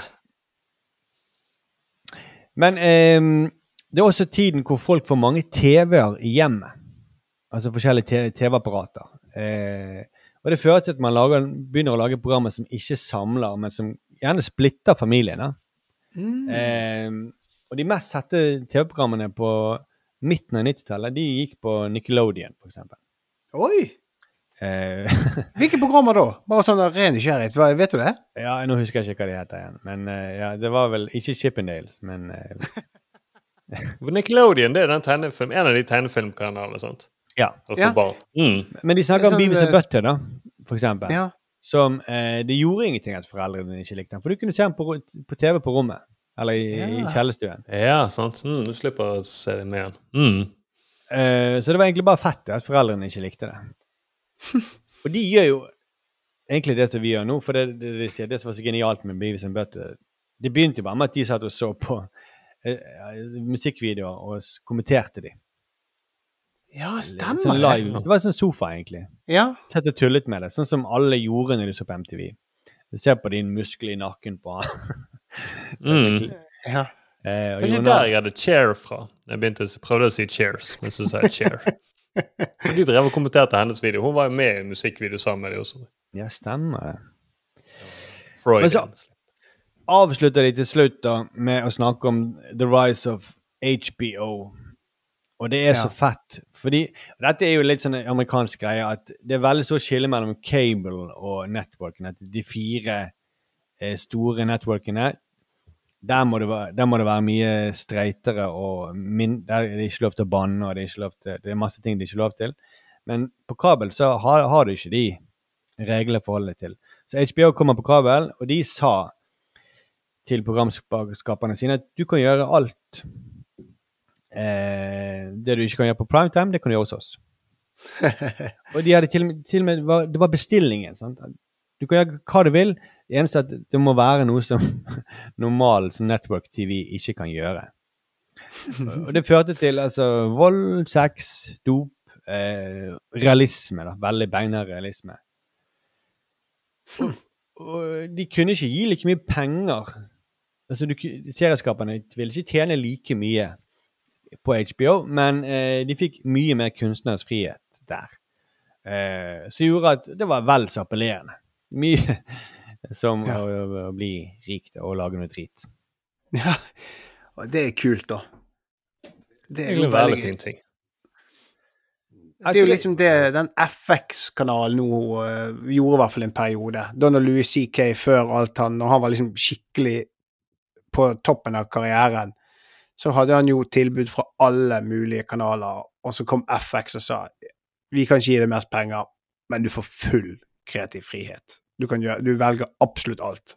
Så han gikk jo til de. Og den serien Louis eh, er jo litt rar å se i ettertid, for det er jo en del sånne seksuelle referanser der som da, da har- har vist seg å ha gjort det han har gjort. Så det er sånn, øh, det, det skifter perspektiv på hele serien, da, men jeg likte den veldig godt.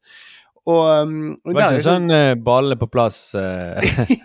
ja, men, men det var jo masse sånne referanser til sånn runking og uh, semivoldtekter. uh, eller sånn i ettertid så skjønner du bare sånn ah, OK, det her skjedde, ja. Uh, så, altså, det var en del sånne ting der som er en utrolig, utrolig fin serie. Jeg likte den veldig veldig godt. Og så var det også deilig at han åpenbart hadde kreativ frihet. For han tenkte sånn Den episoden den var i 45 minutter, mens denne var i 18. Det var helt sånn Historien kunne ta så lang tid den eh, trengte for å bli fortalt, og det var jævla deilig med den serien. Men eh, ja, jeg vil ikke anbefale den nå, for det, eh, i lys av hans uh, eskapader, holdt jeg på å si, så er han litt rar nå. Men jeg anbefaler iallfall å gå inn og se den serien som er Ja, det høres episoden. Ja.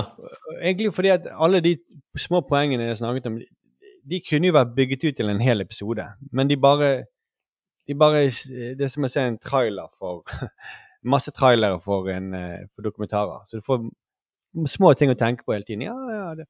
Og du ser masse gøye klipp. da, Det er ganske Hva var den het, sa du igjen? 90-tallet.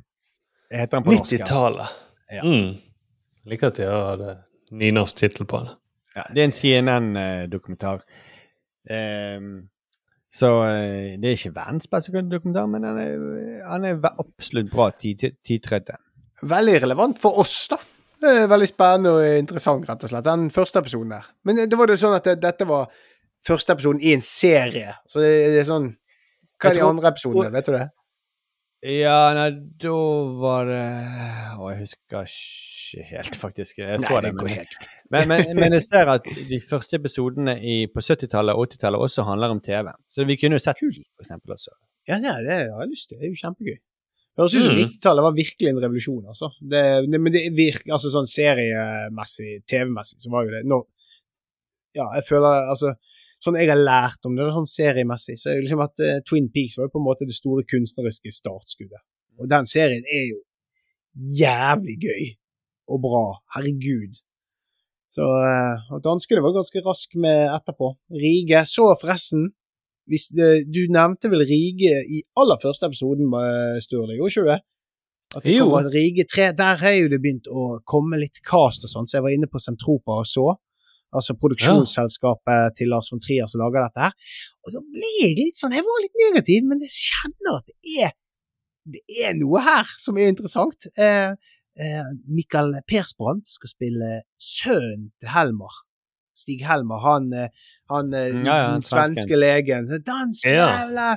Og sønn Og det er en greie med at folk kaller han eh, Halmar. og det liker han ikke, for han er bare halvveis Helmer. Sant? Og det, de har allerede de har sluppet noen sånne små drypp som gir han da mindreverdighetskomplekser. Og Per Sprant er jo en ekstremt god skuespiller, så jeg ble litt sånn her For jeg er jo en enormt glad i Rige, en, altså Rige-serien, og jeg kjente at det ble litt trigget. altså. Det var veldig mange bra skuespillere. De har en del fra originalkasten som har fått gått opp i nye stillinger, og jeg bare OK, OK. Men de med Downs syndrom, er de, de med de samme Eh, hvis ikke, så er det en gedigen skuffelse. eh, men, eh, men, men for de er jo faktisk veldig sentrale. Det er jo de Ja. som eh, Det er en lille pige i elevatoren. det, det, det er ikke fint å etterligne folk med Det Downs var ikke etterligning, det var Det var jo det. Du snakker ikke sånn til vanlig. Nei, Nei. når jeg snakker dansk, snakker jeg sånn. Når jeg reiser eh, på Kommer til Hirtshals med danskebåten, så slår jeg om. Jeg tror alle at du har Downs syndrom. Og at du kan drive, og drive og snakke om med sånne profetier om hva som kommer til å skje senere i natt.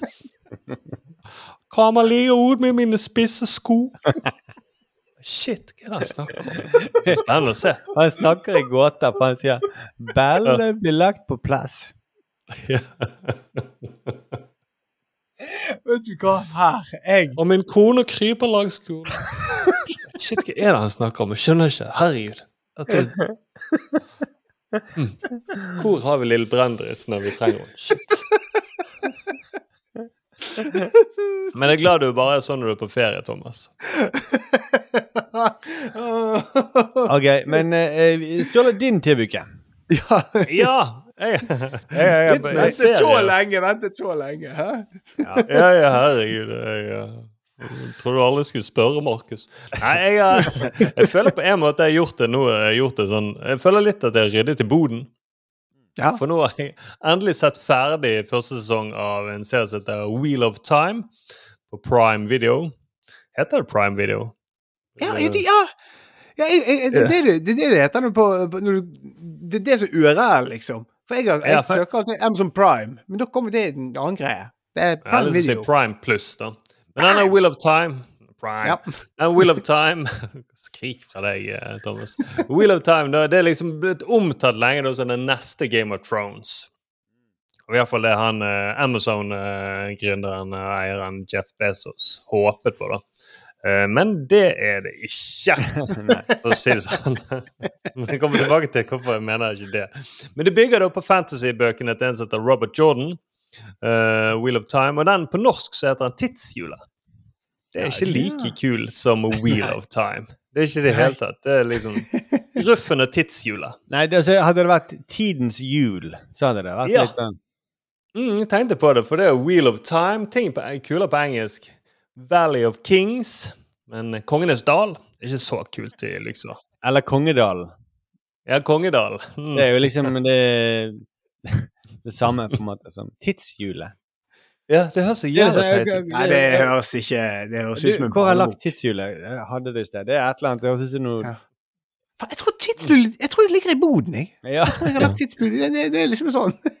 Nei, men du må dreie på tidshjulet på EasyPark-appen, så kan du forlenge parkeringen. Å Ja, ja, kjempebra. Da ordnet det seg, da. Tidshjulet er ordnet. Men det er jo det, da. Ja, der. og det er jævla synd, for det, uh, det er jo en kul serie, da. Jeg har lest noe av det. Uh, det er en veldig kul serie, men den høres jævla Jeg leste den på norsk, så i mitt hode heter den bare Tidshjulet, men det høres jævla teit ut. Men boken, eh, eller Hva sa du? Nei, nei det, det er ikke like høytidelig som Wheel of Time. Nei, sant? For da skjønner du Wheel of Time. Ok, det handler om at ok, det er det hjulet det dreier, og tiden går, og vi blir alle formet av det på en eller annen måte. Men tidshjulet, det høres jævla ja. Jeg skal ikke henge meg opp i det. Men uh, tidshjulet skal lese fra boken. da. Jeg har jo boken her. Tidshjulet dreier. Jeg må bare sette meg godt til rette. Nå, Jeg har sett det godt til rette nå. Ok, er du klar? lyttestund med Sturle. Ja, ja, Sturle. Ja, en jeg, jeg at eh, nå jeg bare få tingene på plass, og så er jeg klar. Ja. Jeg liker at du driver og holder deg godt fast til den stolryggen med stol ved siden av. ja, Jeg må, jeg må holde vekten oppe. Hvis du skulle skli ned. OK. Eh, tidshjulet dreier, aldri kommer og går. Ja, kort sagt, da. eh, historien gjentar seg. Egentlig det som er greien. og det er da kampen mellom det gode og det onde. Men denne gangen så nærmer den siste striden seg. Så det er det fem unge mennesker fra en liten landsby som da må hjelp av en Aes-Sedai. Det er da en kvinnelig magiker og hennes livvakt å flykte fordi mørkets mektigste herre er ute etter disse unge mennene. Ikke mørkets eh, ikke så mektige herre, men mørkets mektigste herre. Ikke, en mør- ikke Mørkeherren. Nei, ikke mørkeherren. Den mektigste herre. For det viser seg at en av disse fem er da den gjenfødte dragen. Og det er jo det en person som kan lede store mengder av magisk kraft, og så det kan slåss mot mørkets mektigste herre. Altså, hvor mange sånne historier tåler vi med at det er en av oss som er utvalgt, og så er det han eh, lille nerden, eller ja. Altså, det er Harry Potter, og det er eh, Matrix, og det er Altså, det er Går ikke vi lei av den eh, tropen der? Nei, og dette, dette er bøker som kom ut før Harry Potter og Matrix. eh, disse. De begynte vel på begynnelsen av 90-tallet, eh, faktisk. Eh, jo, det er det, og det er det også, fordi at Men her er det en hake, da. At sist den gjenfødte dragen gikk på jorden, så ble han gal, og så ødela han så å si hele verden. Fordi mørkets mektigste herre har forgiftet kraften. Men det er bare da menn som blir forgiftet når de bruker denne kraften. For kvinner, da, for eksempel noen ACD1, de kan bruke den helt fint. Så det, men plottet er sånn det er. Men jeg skal bare høre Nå har du røpet deg allerede, Markus. Men uh, jeg kan spørre dere bare Liker dere fantasy? altså, du har ikke Altså, du har ikke solgt meg voldsomt inn. Det Ja, men eh, sjangeren generelt, liksom? Ja, sjangeren generelt. Ja, du vet at ikke jeg er så veldig glad i fantasy. Står det. Nei, Nei, nei, nei. Du vet at jeg sovnet under Ringenes herre. Gjorde du det? Herregud. Ja, Jeg klarer ikke å jeg- se ferdig i Ringenes herre igjen. Nei, jeg det, det er, litt, det, er litt, litt det samme som med, med disse problemene som de har i Succession. Det er sånn, Mm. Jeg klarer ikke å relatere meg til det der med at øh, Oi, ringen Tenker ikke du at noen ganger at uh, mørkets mektigste herre er etter deg? Nei, Nei, da, jeg eh, Ja. da må jeg være ganske bipolar, altså, hvis jeg Ja, ja, ja. Det er det tegnet vi skal se etter med deg, da. Hvis det skal bikke for deg. Da du begynner å snakke om Mørkets herre etter deg og sånt. mm, Ja. Ballen det er på plass, da er mørkets herre etter meg. ja. Står i profetien. mørkets mektige sko er etter meg. Men hva tenker dere at de har brukt uh, Nå skal jeg si hva- Så dere syns det, så dere synes det ikke er greit at de, de bruker 80 millioner dollar på første sesong? Hver episode eh, kostet 8 millioner dollar. Første episoden til Game of Thrones kostet 6 millioner dollar. De første. Jeg syns det høres veldig mye ut. Eh, det syns jeg. Ja. altså, jeg er jo ikke Jeg er jo ikke en voldsom fantasy-fan. Jeg er jo ikke det. Nei, nei, nei. Eh, Dark Place er vel eh, Nei, det Litt sånn er fantasy. Nei, det er ikke fantasy. Det, det, Jo, det er det vel. Han ene virket som en sånn magiker. Han hadde sånn Gandalf-hatt, sånn høy, spiss hatt. Ganske sikker på det. Altså, jeg- Nei, det var sko. Står det, det var spisse sko. Ja, men jeg ja, sitter og sier det, men jeg syns jo Harry Potter-universet er ganske bra, så Ja, ja. skal jeg si. Men, uh, uh, men eh, Jeg er enig i det. altså Det beste innenfor med fantasy er jo, det er jo bra, fordi at sånn er det i alle det, det er god historiefortelling generelt sett, men det, alt, alt du har sagt, Sturle, om denne serien her, det er bare sånn der Å, gud bedre, hvorfor gidder man? Er Ja, liksom og det er litt Jo, men det er litt Fordi at uh, Nå skal jeg ikke tøffe meg for mye, for det, de, de, det høres jævla tullete når jeg sier dette. Og spesielt prisen, ikke minst, for jeg synes det er jævla mye penger. Men det, det er et kult det er Faktisk, i bøkene og sånn, så er det et kult univers. Jeg vil nesten gå så langt at si noe når uh, Arild Tolkien eh, Birger ikke er her. Du sier at det er nesten kulere og mer mystisk univers enn Ringenes herre-universet. Mm. Oi, oi, oi. Oi, oi, ja, ja, det er shit. Men her strides de lærde. Eller de nerde, som noen sier. si. Men det vil ikke, det vil ikke jeg. Nei, fordi de kan altså det, det de, Han gjør Jeg kan skjønne at Robert Jordan skrev dette på 90-tallet, mens Tolkien skrev det på 30-tallet. For det, i hans univers så kan de gå gjennom parallelle universer, ormehull osv. Mm. Ja. Du skjønner at han har eh, Ja, Fantasy-sjangeren har utviklet seg den, siden den tiden. Han bruker de nye, alle de nye fantasy-tingene, da. Ja, som magikerne fant ut i tråd med fysikerne. ja. Men Så han altså, er, han er ikke noen dverger, da, så i motsetning til tolken. Så. Det er jo ikke helt PK nå, er det? Selv i fantasyverdenen? Jeg vet ikke. Hvordan er det? Jeg tror fantasyverden er alt lov, uansett. Ja, ok. Har du fått litt lysere stemme, Thomas, etter operasjonen? Jeg håper ikke det. Jeg håper ikke det. håper ikke det. Håper ikke det. Nå er du nei. basse ned stemmen. Nei, egentlig så snakker jeg sånn dansk som jeg gjorde i sted. Det er blitt min nye stemme. Det er ingen testikler i min bror. I natt skal det skje. Han kommer med sin sex. Men iallfall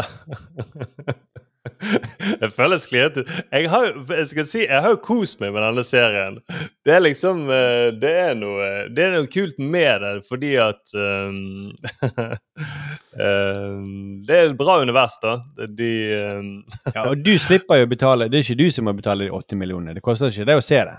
Nei, de gjør ikke det i det hele tatt. Men, og her kommer det kjipe, og det er nettopp sånn som du var inne på, Markus, at det jeg ikke skjønner, er med denne serien jeg- gidder ikke trekke frem alt som er bra. Det er no, det, ok, Jeg skal si noen ting som er bra. er at De har jo bygger jo på boken, men de tar en del egne valg. Som gjør at de føler ikke boken slavisk. Sånn som hun uh, kvinnelige magikeren. Hun Du blir ikke så godt kjent med hun, iallfall ikke i begynnelsen av bøkene. Men i serien så får vi lære litt uh, innblikk i hennes valg og hennes kvaler. For hun vet ikke helt om hun holder på med dette, om hun gjør rett, rett og slett. Hmm. Og samtidig så kan ikke hun stole på så mange.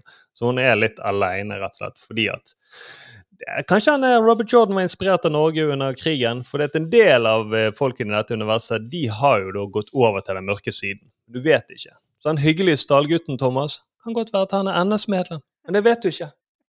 For han kommer med en dolk eller en spiss sko og prøver å stikke deg. Men det som er kjipt, er jo at de har eh, På åtte episoder så skal de fullføre én bok. Ja. Så da må de skynde seg, og så må de kutte litt i historien. Så ender de med det sånn uforløste ting. Det er en del logiske eh, brister. Og det, det er flinke folk som eh, laget det, det er ikke det. Men jeg tenker når de endrer såpass mye, kan ikke de bare lage sitt eget univers? Ja. Må de være så late? Og OK, vi, vi bare gjør akkurat som med boken. Etter hvert så kan du egentlig få en sånn her dataprogram, eller en AI, kunstig intelligens, som kan da komprimere eh, en bok om til et manus. ja, Men da ville ikke du eh, sett serien nødvendigvis. Jo, jeg ville jo det, for jeg ville ikke bli hektet. Sånn som Game of Thrones, den så jo jeg, men jeg visste ikke at det var en bok. Nei. Mange bøker.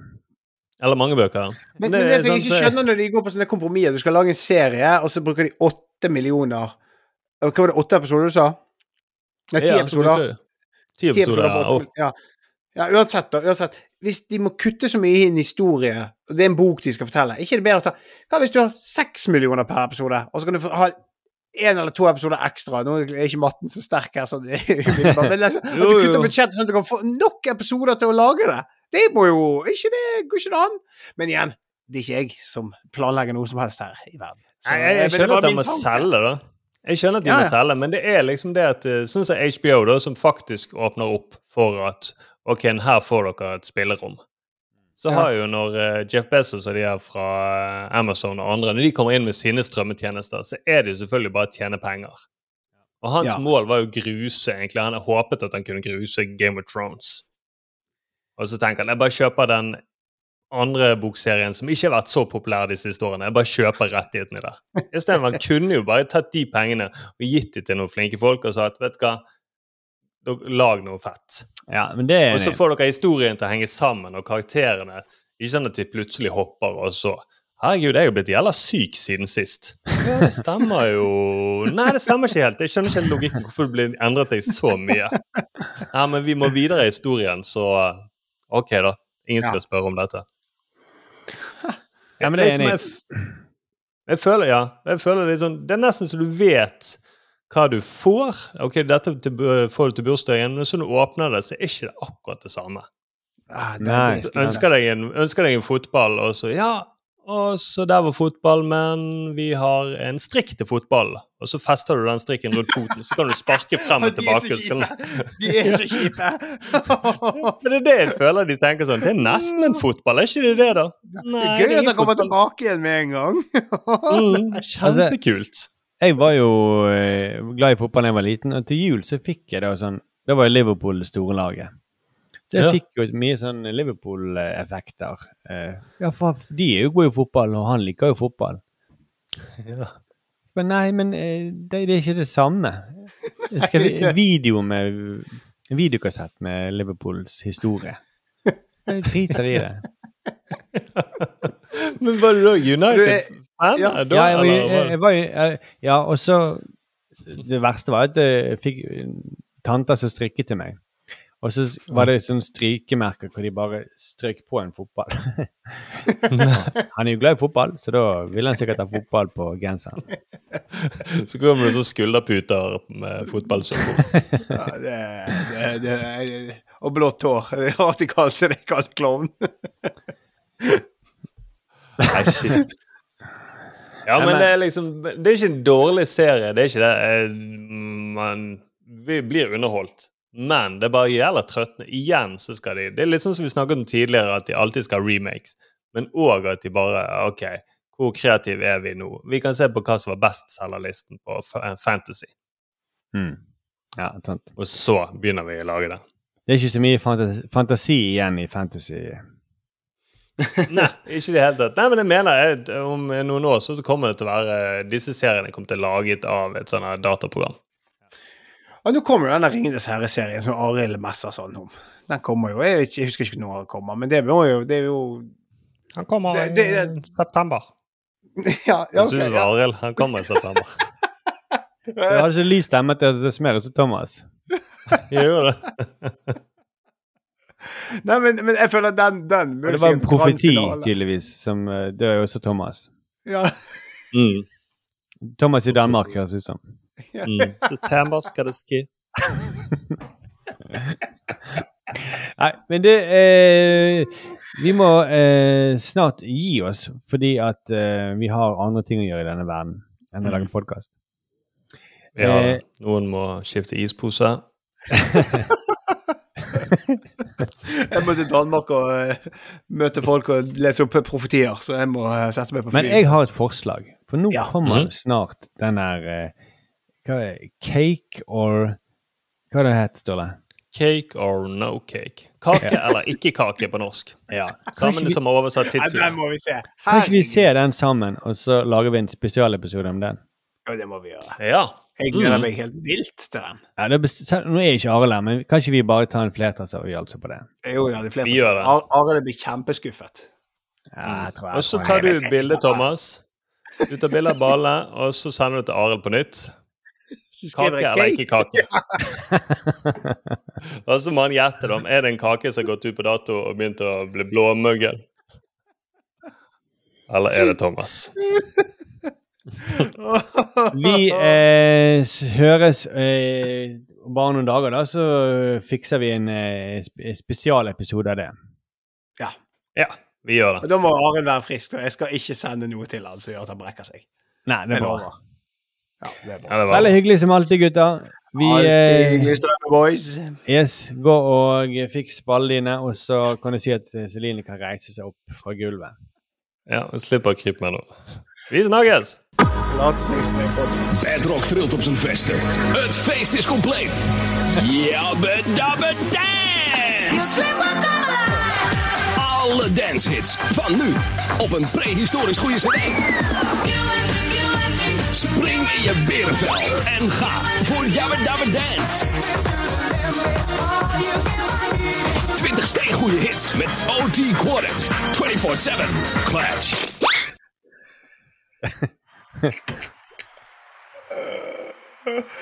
Oh.